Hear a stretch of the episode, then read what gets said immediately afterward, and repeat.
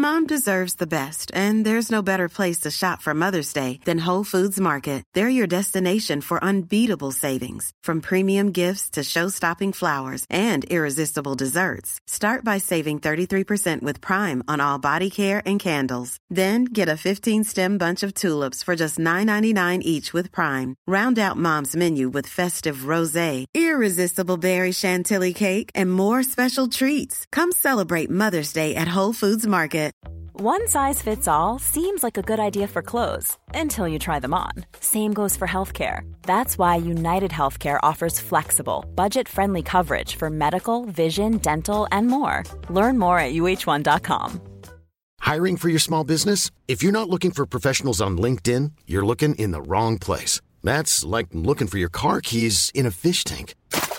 LinkedIn helps you hire professionals you can't find anywhere else, even those who aren't actively searching for a new job but might be open to the perfect role. In a given month, over 70% of LinkedIn users don't even visit other leading job sites. So start looking in the right place. With LinkedIn, you can hire professionals like a professional. Post your free job on linkedin.com slash people today.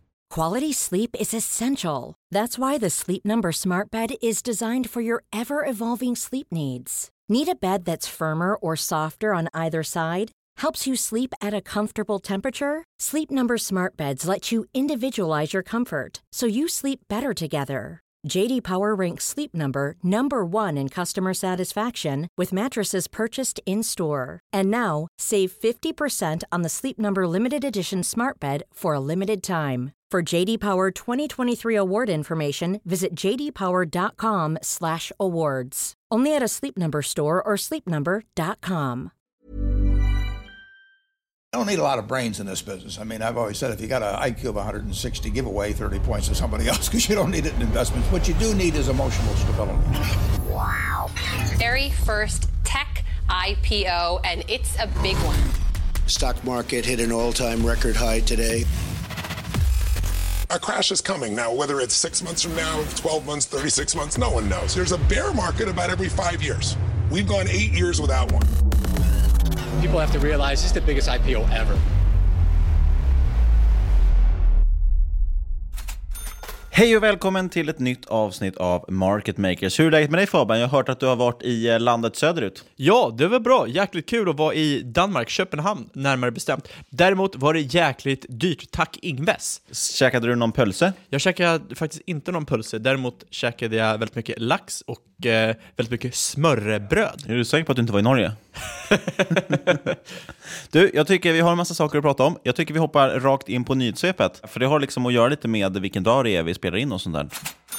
Ja, vi ska snacka om elfte i elfte. Idag när vi spelar in är det trettonde i elfte, så jag vet inte hur du fick ihop det där. Nej, jag vet inte heller. Men det som vi ska prata om är någonting som heter Singles Day. Det är alltså elfte i elfte, det är för att det är fyra stycken ettor, alltså ens, den mest ensamma siffran man kan ha. Och många har nog sett att det gjorts reklam för det här Singles Day. Bland annat att Elganten har kört någon jättedrive och, och flera andra företag erbjöd bra rabatter nu. Det var ju även Fars dag den dagen, men så det var väl lite förvirrat där. Jo, Singles Day i alla fall har varit massa reklam för. Då undrar man ju, vad är det för någonting? Berätta för, för oss Fabian.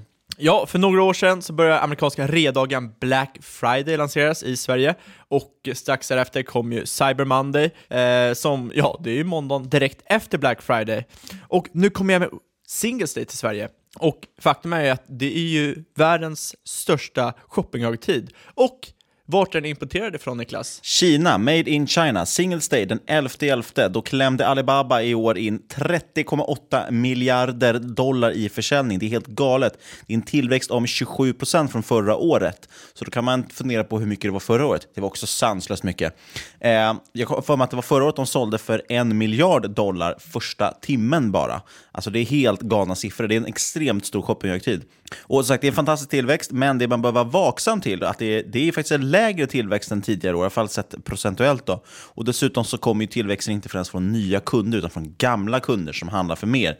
Det är lite intressant. Det kan ju verka trevligt, men i en sån stor marknad som Kina, där bara strax över hälften av befolkningen är uppkopplade, ja, det, det har vi pratat om förut, men då vill man ju såklart att fler ska ta del av den här kakan. Men istället har man faktiskt tappat andelar till eh, bolag som Tencent och eh, bland annat ett eh, favoritbolag till dig. Ja, Singles Day, det har ju varit lite av Alibabas högtid, men de har ju fått konkurrens, som du sa, av JD.com, men även Pinduoduo. JD eh, har vi snackat om tidigare i flera av våra Kina-avsnitt, och eh, det är ju ett varumärke som har blivit rätt starka i det som kallas för Tier 1-städer. Det är de absolut rikaste städerna i Kina. Eh, Pinduoduo däremot, det har vi faktiskt inte snackat om. Det är ett nyligen börsnoterat eh, så kallat social commerce-bolag. Och eh, Ja, Pinduoduo, de satsar på att tilltala de absolut mest budgetmedvetna i samhället. Och det är oavsett om det är på grund av eh, de har låg inkomst eller bara är lite hashtag sparad krona. Och de kan erbjuda upp till 90% rabatt jämfört med konkurrenterna. Men som med allting så finns det en hållhake. Vad är hållhaken? Jo, som sagt, Pinduoduo, det är ju inte bara e-commerce, utan det är social commerce. Vad tror du att social commerce innebär, Niklas? Jag antar att man slår ihop social media med e-commerce. Kan det vara så? Så är det absolut min vän. Yes, 10 poäng till mig. Så här, Pinduoduo, de har flera koncept, men core-konceptet det kallas för någon, eh, group buying. Det innebär i stort sett att du har möjlighet att få jätterabatt på dina varor om du rekryterar dina vänner att vara med och köpa eh, Eh, i bulk med dig direkt från tillverkaren. Och så skippar de ut det direkt till din adress. Så ni behöver liksom inte komma till någons hus och dela upp det för sig själv. Du fixar Pinduoduo. Tanken där, det är inte bara att erbjuda låga priser, utan eh, på ett eller annat sätt gamifiera metoder för att låsa upp de här massiva rabatterna och få liksom serotoninet flödande likt ett tv-spel. Och Eh, det har ju faktiskt varit en rejäl hit bland eh, låginkomsttagare i Kina. Och eh, det, det är ju inte så konstigt med tanke på att konkurrenter som JD.com, som jag nämnde, men även Alibaba, de fightas ju väldigt mycket om höginkomsttagare i höginkomststäder. För det är ju en växande medelklass som har större betalningsförmåga. Det är klart man fightas om det, men då glömmer ju bort låginkomsttagarna i de här lite fattigare städerna. Men de vill ju också handla online. The 99% kan man säga. det är en stor målgrupp. Eh, de har faktiskt sjukt intressanta sätt att locka användare som vill ha billiga eller till och med gratis varor. Eh, laddar du ner appen, då får du en påse godis till exempel. Rekryterar några av dina vänner att använda appen, ja, då får du ett kilo nötter.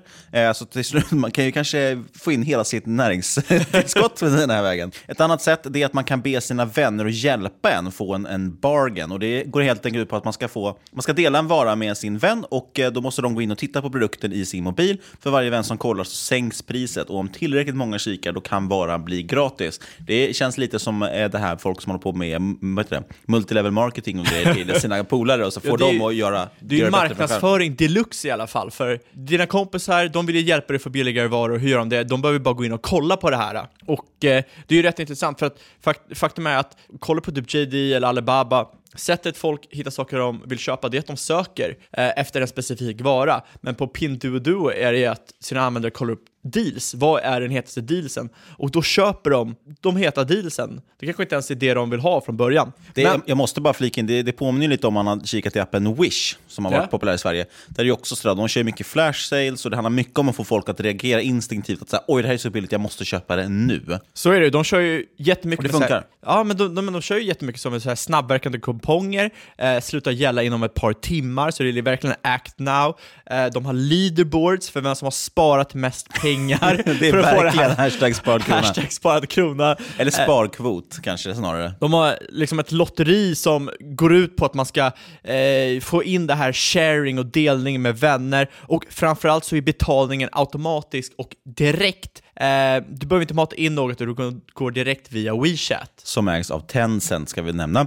Som sagt så är Pinduoduo ett rätt intressant bolag. Eh, de IPO-ade, alltså de gick på börsen tidigare i år och skrapade då faktiskt ihop hela 1,6 miljarder dollar. Grundades i slutet av 2015 och bara på två år så har de då fått ihop en omsättning också om 100 miljarder remimbi. Vet du vad? Det tog faktiskt JD.com tio år att nå en sån omsättning. Det är, det är ganska galet. De gjorde det på två år. Och Dessutom så har Pinduoduo nästan 200 miljoner användare eh, om man tittar nu juni 2018, vilket är över då 30% av Alibabas monthly active users. Och Tittar man tillbaka på ett år sedan hade de 15 miljoner användare. De har alltså växt mer än 10 gånger på ett enda år. Det är faktiskt, Pinduoduo är sjukt intressant. Men tillbaka till Alibaba Singles Day. Ja, det, var det, vi, det vi skulle snacka om. Inte Pinduoduo, även om det är eh, väldigt, väldigt intressant. Och eh, Singles Day, det växer ju fortfarande fastän Alibabas grundare Jack Ma har lagt Alibaba åt sidan. Men det växer ju inte lika snabbt som tidigare. Det är ju ner från 39% förra året, så man kanske bör vara lite orolig. Eh, dessutom så rapporterar Alibaba sina siffror eh, i det som kallas Gross Merchandising Value, eller ja, man kan kalla det för bruttoförsäljningsvärde. Och det är inte samma sak som omsättning, eh, eftersom det här kan bland annat inkludera ordrar som faktiskt inte har levererats eller kommer levereras. Och det, var ju här, det här är en av de grejerna man fått kritik för från de som är negativa till bolaget. Så var det bland annat eh, skrivits mycket om det här just med att man menar på att det är fake-ordrar, de som då är kritiska till Alibaba. Kanske är så, men då borde ju å andra sidan inte tillväxten gå ner. då är de dåliga på att koka böckerna. Eh, nu är det inte bara Alibaba som använder dessutom det här gross merchandising value för att mäta försäljning. Ju. Det gör faktiskt även JD och även Pinduoduo, så allt är väl bara ett pyramidspel kanske. Eh, men något som bör påpekas är att många i Kina har varit väldigt negativa till hur Alibaba skött sig inför just Singles Day i år. Eh, många produkter har man behövt lägga in en liten slant flera veckor i förväg för, att, liksom, för att berätta och köpa den, så man har fått göra någon slags förbeställning. Eh, men trots det så är det fortfarande inte att man får rabatt, eh, eftersom det då bara kanske finns liksom 50-100 exemplar på det. Man, man har helt enkelt skött det här lite dåligt dåligt, tycker många som, som eh, handlar där. Ja, exakt. Och eh, eh, om man ska avsluta det här lite, lite töntigt så kan man ju säga så här, eh, Singles Day kommer nog alltid vara förknippat med Alibaba, men den stora frågan är om det i framtiden kommer fortsätta äga varumärket. Ja, i Sverige som sagt är det ju, jag vet att du försökte avsluta där, men jag fortsätter prata. I Sverige är det flera stycken som har plockat upp det här och försökt göra en grej av det som sagt. Sen vill jag bara säga sista grejen, Pinduoduo, om man vill titta på det bolaget, det går att handla, det ligger väl på Nasdaq gissningsvis. Ja, som alla kinesiska eh, och bolag. Och ticken är PDD om inte jag minns fel, Pinduoduo. Eh, så kika på den om ni tycker det är intressant. Och den här veckan sponsras vi av Emotra som jobbar med någonting som i alla fall jag tycker känns väldigt viktigt och intressant. Och med oss idag har vi Daniel Poté som är VD på Emotra. Vilka är ni på Emotra och vad sysslar ni med? Vi, Emotra är ett företag som eh, finns i Göteborg som eh, marknadsför ett eh, test som heter EDO-test som bygger på en svensk innovation av en person som heter Lars-Håkan Torell från Linköping. Det är en test som kan identifiera hyporeaktiva patienter bland deprimerade och eh, där man kan se att hyporeaktivitet då har en ökad risk för självmord. Så det är en eh, svensk innovation med ganska många års forskning bakom sig där vi har nu gått från att vara ett eh, forskningsbolag till att bli eh, mer kommersiellt inriktat. Då, där vi har börjat med marknadsföring. Och ni ska ju nu genomföra en företrädesemission. Varför gör ni det och hur ser villkoren ut kring den? Ja, vi befinner oss i en situation där vi har fått ett första grepp på marknaden och vi behöver ta in pengar för att kunna uthålligt marknadsföra den här metoden gentemot psykiatrin och psykologer. Och eh, det tar alltid en viss tid att få in en ny metod och i det här fallet när det gäller eh, psykiatrin så är det inte så vanligt med så mycket medicinteknik som i andra fält. Så vi kommer komma med ett ganska nytt koncept och en väldigt ny eh, metod för psykiatrin. Så att vi kommer behöva tid för att bygga upp den här marknaden. det har redan tagit fart, men vi tror att det här kommer behöva rejält med tid för att göra ett bra exempel och kunna visa till andra. Så det vi siktar på egentligen med emissionen, det är att ta in kapital, att kunna ha en första kundbas där man kan växla uppifrån sen. Då. Det är en företrädesemission, eh, den startade precis igår och som slutar den 29 november där vi har garantier för cirka strax över 50 procent och teckningskursen är 80 öre per aktie. Då. Så är man tidigare ägare så för varje fjärde fyra aktier så har man rätt att teckna sju nya. Det är villkoren då för emissionen. Och eh, Jag tycker att det här är en extremt viktig, intressant fråga. Men om man liksom bortser från det, varför vill man investera i Emotra? Ja, man kan se, man kan se på två, två sätt. Det ena kan vara eh, marknadsmässigt och det andra kan vara en rent eh, finansiell investering. Om man tar eh, marknadsvinkeln då, så då vet vi att den här problematiken med mental hälsa det är en enormt stor global eh, hälsoproblem eh, för många länder som kämpar med det. Eh, tyvärr så ser det ut som att eh, depression och ångest ökar i världen och det är, ett, det är liksom ett ökat fokus på det i eh, vården men också i samhället. Då. Man räknar med i världen att man har över 300 miljoner människor som lider av depression varje år och man räknar på att ungefär 800 000 tar sitt liv varje år. Och för varje självmord så går det också ett flertal självmordsförsök per år. Det är ganska stora tal det handlar om i världen och Eh, det som har hänt här i de västeuropeiska länderna särskilt är att eh, Självmordstalen har gått ner eh, under en period eftersom vården har blivit bättre. Men nu har den också planat ut. Så nu är det dags för att kunna hitta nya metoder att börja adressera det här. Då. Samtidigt som samhället har rört sig vidare också, att det finns en större press och öppenhet på att diskutera de här frågorna och ifrågasätta tidigare arbetssätt. Så marknadsmässigt så är den, börjar det se ut som att det är ganska bra timing för att liksom, introducera en ny metod. Då. Ser man det rent som en finansiell eh, investering så, ja, om man tittar på Evotra idag, då är det ett medicintekniskt bolag som då adresserar ett stort globalt problem. Företaget har en färdig produkt. Den är godkänd för försäljning. Vi har satt pris på den. Vi har sålt den till några kliniker. Det är en sund affärsmodell där man tar betalt per test, det vill säga vi kommer leva på de här tjänsterna. Eh, och det här bolaget är då värderat till 11 miljoner svenska kronor. Och eh, det som är en intjäningsförmåga som man kan räkna på ungefär på ett eh, större eller mellanstort sjukhus är någonstans mellan 4 eller 10 000 svenska kronor för den här testningen då, per månad. Och jag tror bara i Europa. Det är svårt att få exakta siffror, men där finns det en bra bit över 2000 sådana här uh, större kliniker. Som sagt, eh, Emotra heter bolaget. Ticken där är EMOT för den som är intresserad. Företrädesemissionen, då bör man äga aktier senast den 29 november tecknar man sig för det. Och ni noterade på Spotlight. Som sagt, väldigt viktig, viktig trend ni håller på med, även om det är en, en tråkig trend så att säga, men det är en väldigt viktig fråga. Och vi säger stort tack till dig Daniel på Emotra. Tack så mycket. Du Fabian, vad ska vi prata om idag? Jo, idag ska vi prata lite om cykliska aktier och hur man bör tänka när man investerar i sådana. Jag är Eftersom... trött på det här med konjunkturcykeln, kan vi inte prata om något annat? det är faktiskt lite tråkigt. Jag var tråkigare än att snacka coola iGaming-bolag med Kristoffer som vi gjorde förra veckan.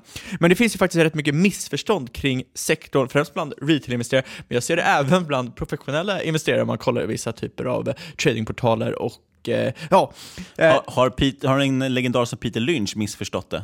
Nej, nej, den legendariska investeraren Peter Lynch, han sa faktiskt själv att cykliska aktier är den mest missförstådda aktien. Och eh, det är faktiskt rätt lätt att se uh, om man bara scrollar igenom sitt Twitterflöde. Ja, Peter Lynch har faktiskt ett klockrent citat som lyder så här. Håll i er nu, det blir ett långt citat. Jag kanske ska översätta det här. För... Nej, men, vi drar det på engelska, originalet, och sen YOLO översätter vi efter. Okej. Okay. Cyclicals are the most misunderstood of all types of stock. Det var precis det du sa Fabian.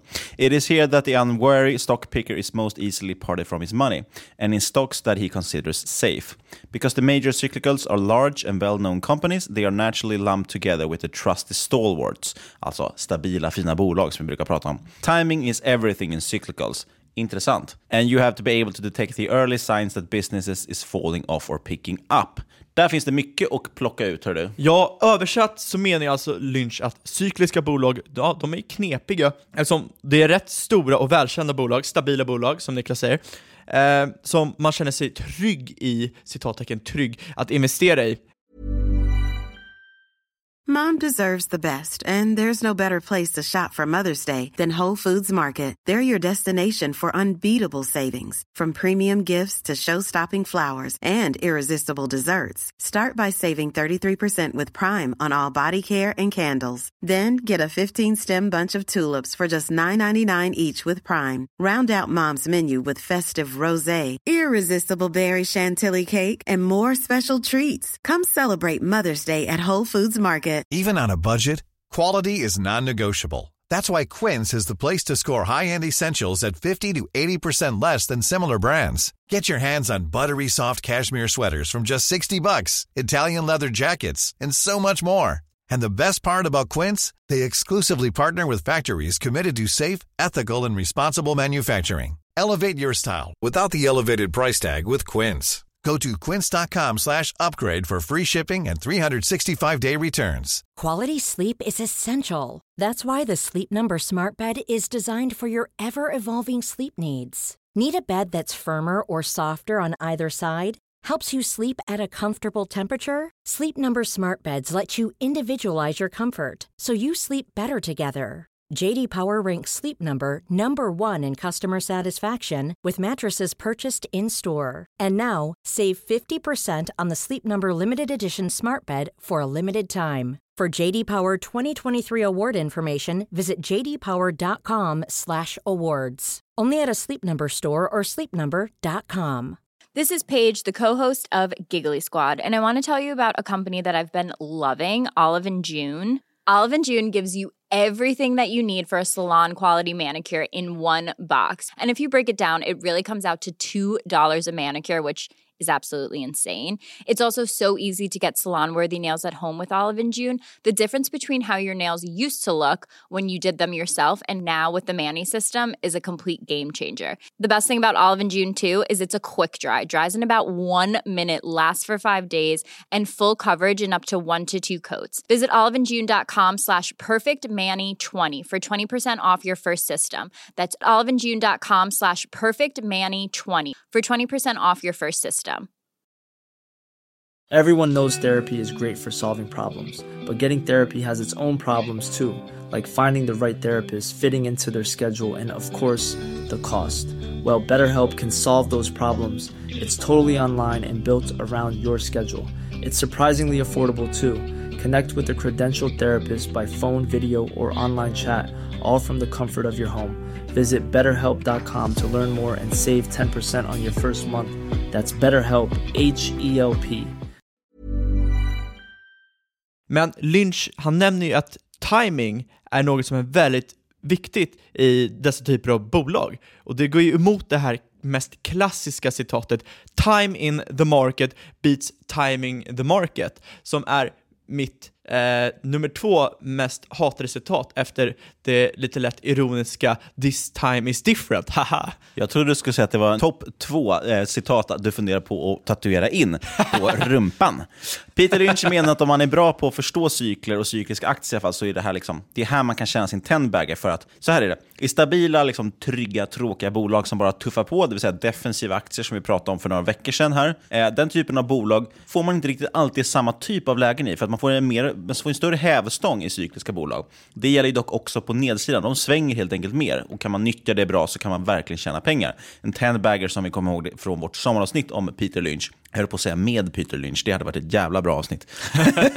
om Peter Lynch, eh, det är att man tio gånger pengarna helt enkelt. Ja, men och det han säger också är att om man inte förstår cykliska aktier som sagt, så kommer man ju då förlora kanske 80-90% av sin investering. Det är rätt rejält. Och som sagt, Peter Lynch säger själv att cykliskt är den mest missförstådda aktietypen. Ja, det är ju inte ovanligt att liksom, cykliska bolag fullständigt kraschar när cykeln vänder. Eh, och det behöver inte gälla en utdragen nedgång. Det, det kan ske på några veckor, eh, någon månad. Det, det handlar om att man prisar in förväntningar väldigt snabbt. Ja, exakt. Och vad innebär då cykliska aktier? Vi, vi pratade ju då som sagt för några veckor sedan om defensiva bolag. Det här är egentligen det om motsatta. En cykel den omfattar ju liksom en flerårig, flerårig förändring i tillväxt. Och Det är alltså längre än ett år och beror inte på säsongsmönster, till exempel att en skidanläggning har mer kunder under vintersäsong. Eh, ja, visst, den aktien beter sig också cykliskt, men det är inte det man menar med en cyklisk aktie, utan man menar att den drivs av konjunkturcykeln. Nej, exakt. Cykliska aktier, de drivs ju av krafter som går längre än ett kalenderår eller ett finansiellt år. Och det innebär ju att om du kollar på det här resultatet under ett år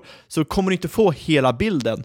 Och eh, faktum är, det är faktiskt inte särskilt intuitivt att förstå cykliska bolag eftersom förändringar sker så långsamt. Det är att sitter du och kollar på ditt hår i spegeln varje dag så kommer du inte tro att det växer. Men om du kommer tillbaka efter några månader så kommer du se att det blir jäkligt långt. Och det är samma sak i eh, cykliska bolag. Tar du bara en snapshot är det väldigt, väldigt svårt att se att det händer någonting. Så är det. Det är till och med så svårt att vissa som jobbar i de här cykliska bolagen, bolagen själva inte ens hänger med i, i de här förändringarna faktiskt. Eh, Peter Lynch, han vill alltid vara på tillväxtsidan. Vi pratade ju om GARP i sommaravsnittet, alltså Growth at a reasonable price, tillväxt till ett rimligt pris, och vill alltså ha tillväxtmomentumet på sin sida. Han vill alltså komma in när aktien är lågt värderad, strax innan det bottnar eller strax efter, och förhoppningsvis då när tillväxten ska ta, börja ta fart. Ja, och det här innebär ju att han inte vill att bolaget ska vara särskilt skuldsatt, eftersom det skulle krossa bolaget om saker går fel, och eh, bolaget ska ju helst ha mindre minskande inventarier eh, och lager, och det är faktiskt motsatsen till det vi ser i många cykliska industrier som till exempel halvledarbolagen. För att förtydliga där vad vi menar, det är något som vi pratat om också, att nu i slutet på en cykel så ser man oftast att många bolag bygger upp sina inventarier. Det är helt enkelt så att de har överproduktion. Det är det jag menar också med att ledningarna själva inte ibland har riktigt koll på cykeln, utan de tycker att allting ser så bra ut. Vi ökar produktionen varje månad. Helt plötsligt står man med ett jättelager som man inte får sålt. Och då har man jätteproblem. Då får man, förutom att dra ner på sin business, måste man dessutom göra stora nedskrivningar av lager som man inte får sålt. Eh, så det är liksom en double whammy på nedsidan. Ja, mycket handlar ju också och om att... Lynch vill ju åt helt andra hållet. Så är det, och mycket och det handlar ju om att till exempel halvledarbolag, de eh, fungerar i boom and bust-cykler ungefär som eh, råvarubolag gör, eller råvaror gör. Och eh, det är nästan lite spelteori bakom det här, för att du får ju liksom ökade vinster, gör att du kan investera eh, för att pressa ut bättre produkter som dina kunder kommer vilja köpa. Men om du då inte lägger den här investeringen, då kommer ju dina konkurrenter göra det, och då kommer de ju få bättre produkter i dig. Så det blir den här överinvesteringen, du, du, du, du, tills det liksom toppar och då kraschar det väldigt, väldigt hårt. Och det är samma boom and bust-cykel som vi snackade om i till exempel koppar och allting eh, tidigare. Men ytterligare citat från Lynch Magnums opus One Up on Wall Street som jag skulle vilja dra in i den här podden lyder så här. One obvious sell signal is that inventories are building up and the company can't get rid of them. Uh, which means lower prices and lower profits down the road. I always pay attention to rising inventories. When the parking lot is full of ingots, it's certainly time to sell the cyclical. In fact, you may be a little late. Vet du vad jag skulle kalla min eh, investeringsbok istället för One Up on Wall Street? Vad skulle du kalla den? Seven Up on Stureplan. Jag känner att det är den svenska motsvarigheten. Ja. Vi bryter bara podden här. ja, den, den, den, gick inte hem. Eh, Lynch i alla fall, han vill se stigande priser. Eh, till exempel så för ett bilbolag, då vill man ju se att priserna på bilar ska upp. Och det är för att visa att det finns en undertryckt eller väldigt stark efterfrågan som börjar visa sig. Och det, här, det är det här som det viktiga kommer in. När det är köpläge på den här typen av bolag, alltså ett cykliskt bolag, då kommer P talen vara superhöga. Det kan låta jättekonstigt, man ska köpa när det är högt P tal då går emot allt som alla någonsin har sagt. Förutom market tider. makers, som Förutom känns som vi. de har bara samma, ja, de har, samma hjul i flera månader. de har ju koll på läget, hur skönt det är. Eh, jo, men det har ju helt enkelt gjort så att vinsterna är superlåga, det vill säga ETPE. Och det kan vara svårt för många att förstå. Du vill alltså komma in cykliskt när utsikterna ser som sämst ut och troligtvis har sett riktigt kassa ut i några år. Eh, för det är först då det kommer vända, då bottnar det ut. Precis som att folk nu säger att konjunkturen ser så bra ut. Ja, det är då den toppar. Sen ska du hålla i hårt då i flera år för att efterfrågan faktiskt ska också matas ut i marknaden. Så köp cykliska bolag på höga, höga P tal sälj dem på låga P tal Ja, och det är troligtvis här vi ligger nu med olika typer av gruvbolag och miners. Men det svåra är som sagt att tajma marknaden. Eh, skulle man gått in i miners för en månad sedan, då hade man ju sett ett tapp nu. Eh, och man vet ju inte hur länge de här aktierna kommer fortsätta gå neråt. När kommer guld att sluta ligga flät? Eh, kommer dollarn fortsätta appreciera, vilket är negativt för guldet? Och hur ser den fortsatta efterfrågan ut för Kina? Det är alla frågor man kan ställa sig eh, inför det här. Och det finns ju faktiskt många faktorer, eh, oavsett sektor, som kommer att spela in och eh, ja, kanske vi ska hoppa in lite på lite senare i podden. Det vi säger egentligen att det är att oftast när man köper den här typen av bolag, när de är helt utbombade och utsikterna ser som kassast ut, eh, troligtvis kommer du inte pricka botten. Eh, du kommer antagligen inte kunna tajma det, utan här gäller det att ha långsiktighet. Och framförallt, men det du, det du vill ha framförallt är då egentligen risk-reward på din sida helt enkelt. Att du köper faktiskt någonting väldigt, väldigt billigt så att det i princip bara kan gå upp. Det kan fortfarande fortsätta lite ner såklart, det kan ju alltid, men förhoppningsvis så ska det eh, vända upp på sikt. Det var lite luddigt ut, utsvävande. Men oavsett i alla fall så vill ju Lynch då sälja dåliga sen när utsikterna ser toppen ut, alltså när vi har motsatta förhållandet. Och bolaget har då år av rekordvinster. P talet har i alla fall minskat, kanske till och med ligger på ensiffrigt. Det ser vi i bilbolagen just nu till exempel.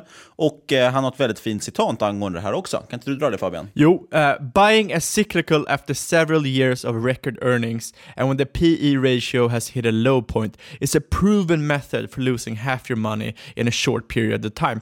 Och det vi vill säga är att du som lyssnare på Market Makers, ja, du vill troligen inte göra annorlunda än Peter Lynch, som är en av världens mest kända Eh, och duktiga investerare genom tiderna. Självklart går det att köpa cykliska bolag på toppen och ändå tjäna pengar och det går att hitta värdecase, men allt som oftast kommer du troligtvis finna att du inte är smartare än marknaden, utan du snarare kört klassiken picking pennies in front of a steamroller, som, ja, som alla någon gång gjort. Och vi har ju Nvidia, de kommer ju rapportera idag när den här podden går ut. Det ska bli spännande att se hur det går. Det är ett klassiskt halvledarbolag. Det eh, finns lite andra saker som spelar in där också, men det finns en anledning till att de här bolagen helt enkelt ser billiga ut. Det är samma sak med AMD, det är samma sak med Nvidia, Intel och så vidare. De ser väldigt billiga ut just nu. Köp alltså inte cykliskt efter en period av rekordhöga vinster när PE ligger på botten. Varför är PE lågt? Jo, eftersom när fler investerare börjar sälja av allt eftersom de förväntar sig en vändning i konjunkturen, då kommer aktiekursen att falla, inte svårare än så. Och cykliska aktier med lågt P-tal, det är en typisk så kallad value trap, alltså en värdefälla. Det ska man ses som en varningssignal, lågt PE som den omedvetna investeraren kommer vaggas in i tryggheten och köpa. Medan höga PE, kassaresultat, låg avkastning eller förlust kanske på investerat kapital, ja, det är faktiskt bra tecken när det kommer till cykliska bolag. Det är lite märkligt. Ja, och ett tips för att förstå cykliska... Buy low, sell high. Äntligen, så ja. Ett tips för att förstå cykliska bolag, det är att eh, inte bara kolla historik på enskilda cykliska bolag, utan att till exempel kolla på typ Buffetts investerarbrev som sträcker sig årtionden bakåt i tiden, eh, eftersom detta kan ge, ge en rätt bra inblick i hur olika bolag och eh, sektorer svänger med konjunkturen. Ja, Buffett menar ju att intrinsic value för cykliska bolag kommer vara helt opåverkad av den cykliska naturen i cykliska bolag, men att man måste värdera bolaget under hela cykeln och inte under en viss period i, eh, i cykeln. Kan du säga cykeln en gång till? Jag tänkte förresten på de här Hövding, eh, hjälmarna. Ja. Det är ju ett cykelbolag. Nej, jag, ska, jag ger upp där. Eh, Ska du analysera cykliska bolag måste du i alla fall ta hänsyn till varför också de är cykliska. Precis som vi pratade om för några veckor sedan, eh, om defensiva bolag så måste man titta på hur omsättning och andra saker förändrats under tiden. Eh, här är det extra intressant kanske att kolla just på multipelkontraktion och expansion, alltså hur multiplarna förändras, hur man då värderar vinster hela tiden. Och som sagt, det går liksom inte att dra alla cykliska bolag över en kam. Walmart och H&M, de räknas ju båda som retail, alltså de säljer grejer till konsument, men de går inte att jämföra på något sätt. Det är ju två helt olika bolagen. Eh, så frågan är, är bolaget cykliskt på grund av ekonomin eller på grund av andra effekter som påverkar tillgång och efterfrågan? Återigen, samma typ av fråga egentligen man måste fråga sig om defensiva bolag. Kanske egentligen ska fråga sig om alla bolag för att få reda på vad det är för typ av bolag. Cykliskt, de tjänar ju pengar cykliskt, så du kommer uppleva en hög volatilitet i vinster och det kommer påverka allt från det egna kapitalet till kapitalkostnader. Och eh, det här innebär ju att ska du göra någon typ av analys så vill du normalisera vinsterna eller andra poster över en hel ekonomisk cykel. Och eh, det här är oftast 10 år, det gör Benjamin Graham i alla fall och det skulle inte förvåna mig då om Warren Buffett också gör det eh, för att få en korrekt bild. Och ska man liksom undersöka till exempel ett råvarubolag, ja då får man inte heller glömma att eh, man ska kolla snittpriset för råvaran över den här tiden och justera det för inflationen eh, för att kunna bestämma ett typ av fair price. En stor del av de cykliska bolagens kostnader är fasta. Det innebär att vid en ekonomisk expansion och en ökad omsättning för bolaget, ja, då kommer de cykliska bolagen även uppvisa kraftigt expanderande marginaler. Alltså man får helt enkelt mer pengar över. Man har ju mer försäljning, men man har samma kostnader. Och Det här är varför vinsterna växer så himla snabbt i cykliska bolag. Vinsterna är höga för att marginalerna är höga.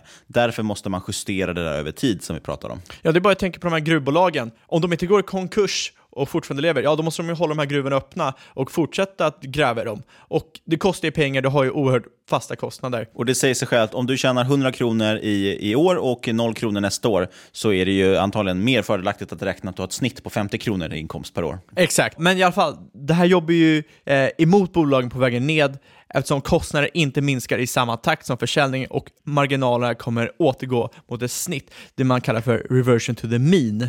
Vi kanske ska snacka liksom vilka sektorer kan man räkna som cykliska? Ja, det finns väldigt många. Vi kan ju bara nämna några. Vi har pratat om bilbolag har vi nämnt flera gånger. Vi har pratat om halvledarbolag, bara så folk fattar halvledare. Det är alltså semiconductors. Det är ju olika typer av komponenter egentligen som man oftast tillverkar då till datorer på olika sätt. Ja, det är Intel, AMD, Nvidia är väl de kändaste. Sen finns det massvis med fler. Halvledarbolag är väldigt intressanta överlag. De, eftersom det ingår i nästan all typ av elektronik så är det en rätt bra måttstock på hur ekonomin som helhet går. Eh, eftersom ingår, du- det ingår till och med i all elektronik, för att du kan ju inte ha elektronik utan halvledare. Ja, exakt.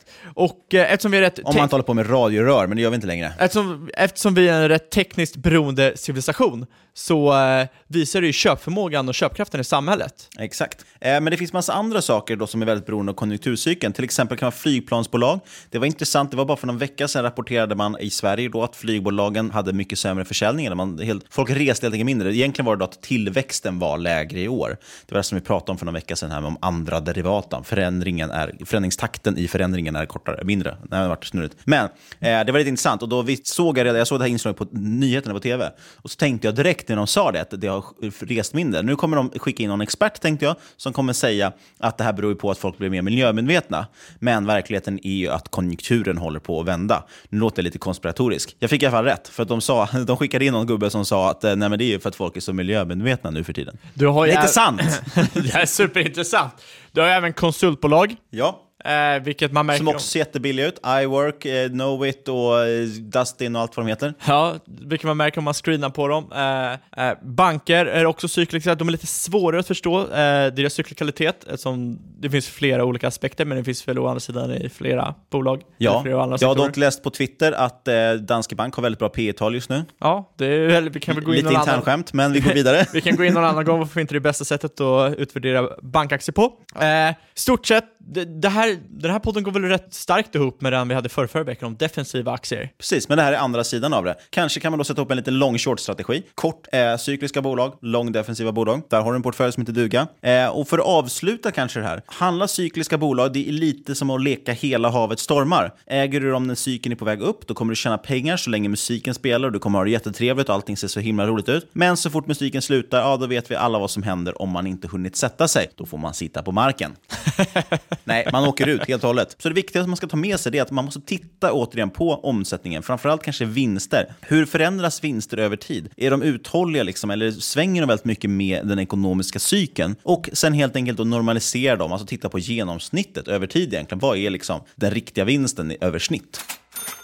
Och som vanligt, inget du hört i denna podcast ska ses som rådgivning. Alla åsikter är våra egna eller vår gäst och eventuella sponsorer tar inget ansvar för det som sägs i podden. Ja, och tänk på att alla investeringar är förknippade med risk och sker under eget ansvar. Men om du gillat det vi snackat om i den här podden och vill snacka lite mer med oss, så kontakta oss gärna på podcast.marketmakers.se eller på Twitter at marketmakerspod. Eller varför inte skriva direkt till dig eller mig? De adresserna hittar man på vår Twitter, at marketmakerspod. Supertrevligt! Sen vill vi säga ett stort tack till Emotra Extra som sponsrar den här podden. Som sagt, de har en företrädesemission nu. Sista datum för den är den 29 november. Aktien handlas på Spotlight Stock Market. Och lämna gärna en recension på iTunes så vi klättrar i listorna och blir Sveriges största, bästa podcast.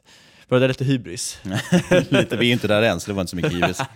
Sist men absolut inte minst, stort tack för att du har lyssnat. Vi hörs igen om en vecka, ni som lyssnar på podden. Och vi ses igen i helgen, ni som kommer på Invest 360 och lyssnar på oss. Det hoppas vi verkligen att ni gör. Så vi inte står där inför tomma läktare. Fast det hade väl också varit rätt kul ändå. Det har varit kul, då kan vi visa lite annorlunda grafer. ha det bra hörni. Ha det bra!